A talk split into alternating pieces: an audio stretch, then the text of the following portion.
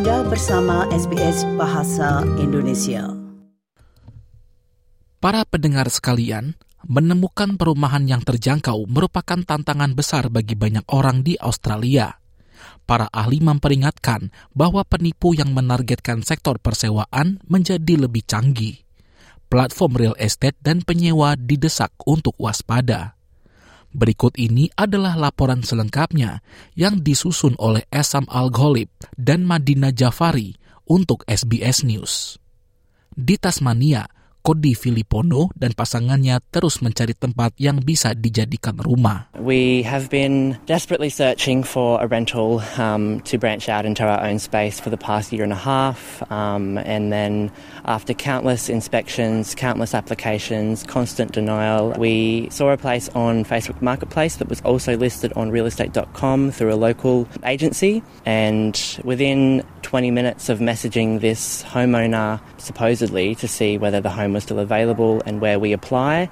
Um, we had a response within 20 minutes, which was completely different from any other agency or owner that we'd chatted to previously. So we sort of jumped on it because we hadn't had a response that quickly before. Sayangnya, mereka tidak tahu bahwa mereka telah ditipu. It was exactly the same description, exactly the same photos. It had the watermark in the photos um, from the agency. It had um, he requested documentation that would normally be requested for a rental. Um, he even did up an application form that looked fairly similar to other ones I filled out before. Um, so I guess in the desperation of it, we were kind of oblivious to some red flags. Para penipu menyetujui permohonan sewa dari pasangan tersebut dan mereka membayar uang deposit. So at first they requested the bond payment, which was, I believe, a total of $1,840, um, which we had sent through to their bank account on the Saturday. Um, and then the following day they had requested the additional two weeks' rent, which was an equivalent of $940. Lalu muncullah red flag atau masalah untuk pertama kalinya. Um, it was on the Sunday night after we had sent the additional two weeks' rent to that account um, that morning.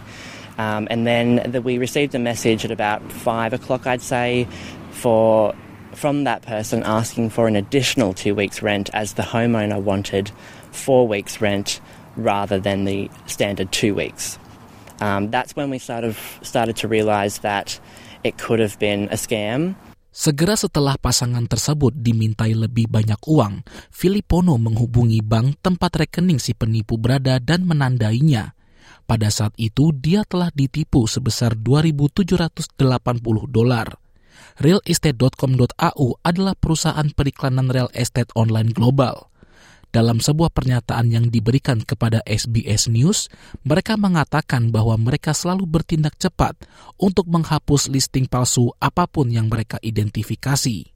Fraudulent rental listings are an uncommon occurrence, however, a very small number of for lease by owner fraudulent listings have landed on our site and other property platforms.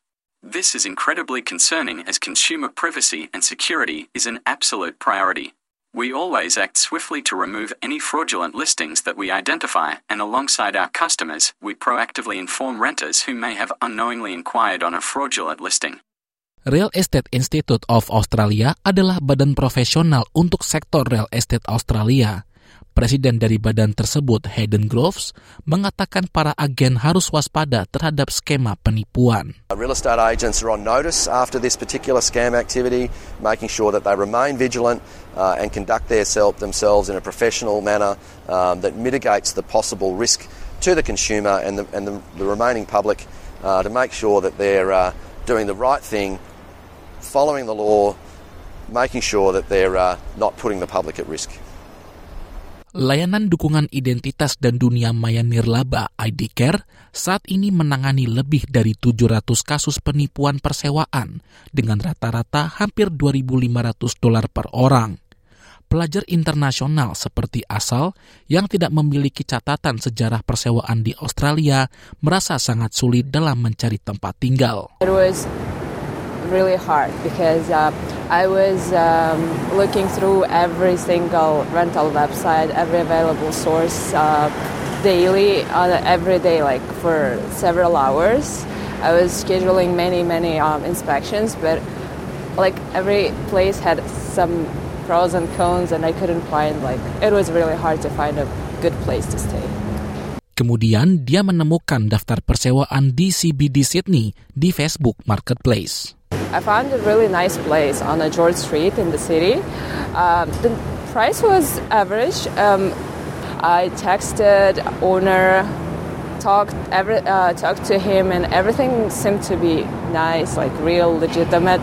But since I was in the city, um, returning from the university, I decided like just let me try go and see that place from the like uh, outside the building check with that if it's real i went uh, spoke with the concierge there and um, after several calls it turned out to be that the owner of this place is not renting that place uh, this um, apartment is not for lease and it's all scam Kelompok multikultural menyerukan perlindungan lebih besar bagi pelajar internasional.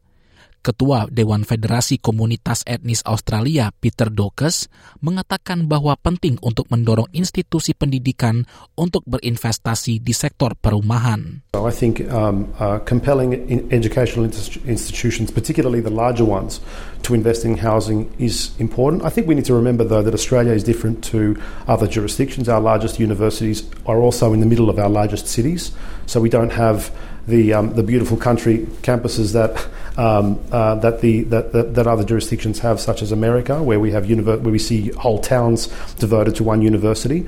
But ultimately. Uh, prevention is the ultimate cure in my mind, and um, and the answer is informing students in their own language about their options.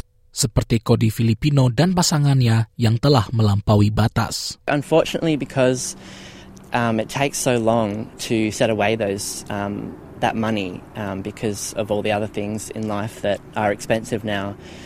The this has forced us into exploring share house options, which is what we were trying to move away from, but we just simply do not have the finances to be able to afford another bond and rent straight up. Um, so, unfortunately, we are now forced into exploring another share house option with another couple. Demikianlah laporan yang disusun oleh Esam Al-Gholib dan Madina Jafari untuk SBS News dan dibawakan oleh Dilail Abimanyu untuk SBS Bahasa Indonesia. Anda ingin mendengar cerita-cerita seperti ini? Dengarkan di Apple Podcast, Google Podcast, Spotify, atau di mana pun Anda mendapatkan podcast Anda.